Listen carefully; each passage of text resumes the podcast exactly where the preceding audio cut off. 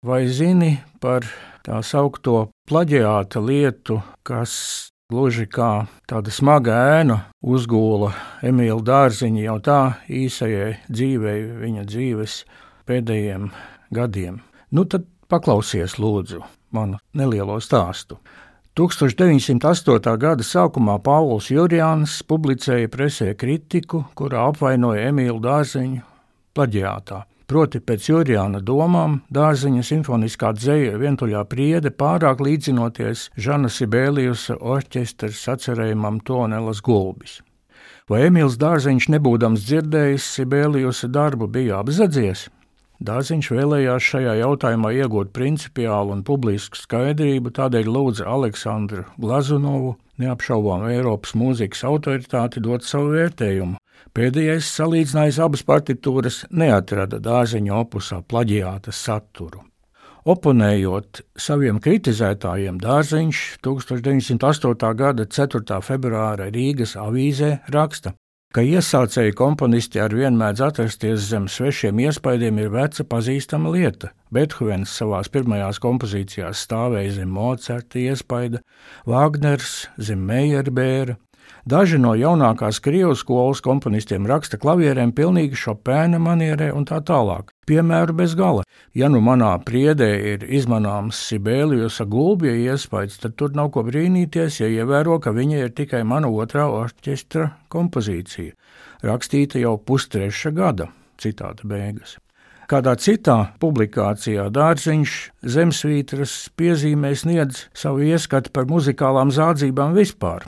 Viņš paskaidro, ka Citāts neliela motīvu un melodisku paņēmienu sakrišana mūzikas vēsturē nav nekas rets un ir arvien nejaušības rezultāts, jo diviem komponistiem tiešām var ieskanēt galvā viena un tā pati muzikālā doma. Mūzikas vēsturē šādu piemēru ir diezgan. Citāta beigas. Un seko piemērs, kur četras taktis gara tēma sakrīt veseliem četriem dažādu nāciju komponistiem. Pāvils Jurijāns tomēr nepadevās. Viņš nosūtīja vientuļās priedes partitūru pašam Sibēlijusam, rīkodamies ar šīm notīm gluži kā ar paša sacerējumu, pavadvēstulē attiecīgi noskaņojot somu skaņradi. Somu mūzikas milzis Sibēlijus bija vērsmainas un stihiskas dabas. Bez tam 1908. gads iezīmēja viņa dzīvē krīzi. Šī gada aprīlī maijā ārsti konstatēja Sibēlijusam kakla audzēju, tika veikta operācija. Domājams, šādā visai labilā un turklāt Jurijāna uzkūdītā gara noskaņojumā tika rakstīta atbildes vēstule.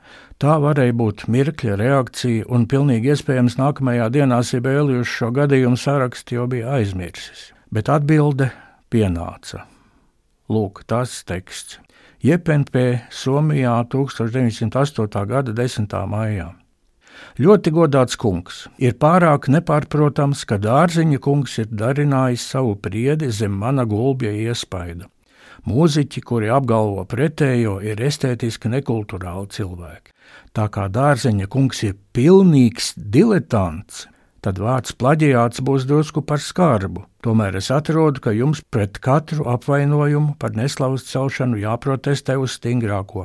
Jūsu kā kritiķa pienākums bija tā rakstīt taisni tā, kā jūs esat rakstījuši. Augst cienībā jūsu padevīgais Žans Sibēlijus. Emīlam Dārziņam Sibēlijus atbildi izšķīra būt vai nebūt jautājumu par nebūt. Viņš iznīcināja gan vientuļo priedi, gan visus savus pārējos orķestra sacerējumus, līrisko fantāziju, mazo svītu un melanholisko valsi. Pēdējo gan pēc orķestra balsīm vēlāk atjaunoja diriģents Artūrs Bobkovits. Sibēlijus vērtējums diletants dārziņam nozīmēja šķēpa trāpījumu Ahilēja papēdī.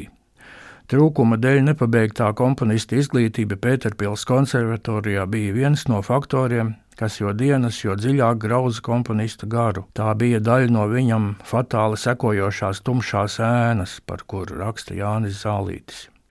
Allažs sajūstams lielo parādu pēc sava talanta izveidi, dārziņš līdz pat mūža beigām intensīvi izglītojās pašmācības ceļā.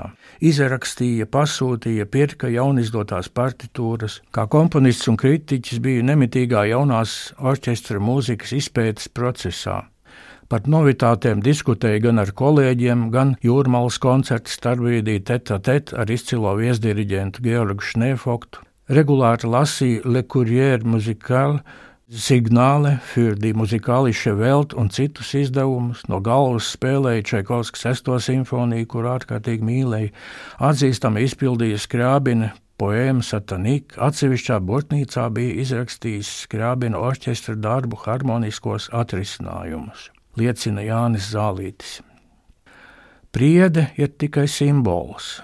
Jā, priede bija simbols gan dārziņam, gan Sibēlijusam, jo viņiem abiem piemita garas taltums, nespēja muguru liekt, un tādēļ viņu abu epizodiskā neklātienes satikšanās, vai pareizāk sakot, nesatikšanās, kaut Rīgu no Helsinkiem šķir vien kādi 400 km, pa vidu viena jūra un vienu svina mākoņu atspulkstajā, vienas priedes un vai ne tāpēc viens English horns un vioļu divīzija priedē un gulbī? 1932. gadā pēc Somijas radio ielūguma kā diriģents un latviešu mūzikas propagandētājs Helsinkos viesojās Jānis Mediņš. Viņa sniegumu par radio noklausījās Sibēlijus. Pēc koncerta lielmeistars no savas ainolas kur pirms tam abi bija tikušies vaigu vaigā, telefonēja mediņam, esot sajūsmā par milzu soļiem, ko latviešu mūzika spērus eiropeiskās izteiksmes virzienā. Līdz tam neko no tās nesot dzirdējis. Starp citiem mūsu klasiķu opusiem toreiz koncertā skanēja arī Emīļa Dārziņa melanholiskais valsis. Viesojoties Ainolā, Mediņš bija atgādinājis Sibēlijusam 24 gadus seno plaģiāta lietu un pastāstījis par Emīlu Dārziņa un viņa skaņdarba traģisko likteni. Un Sibēlijus par dzirdēto esot izteicis patiesu un neviltotu nožēlu.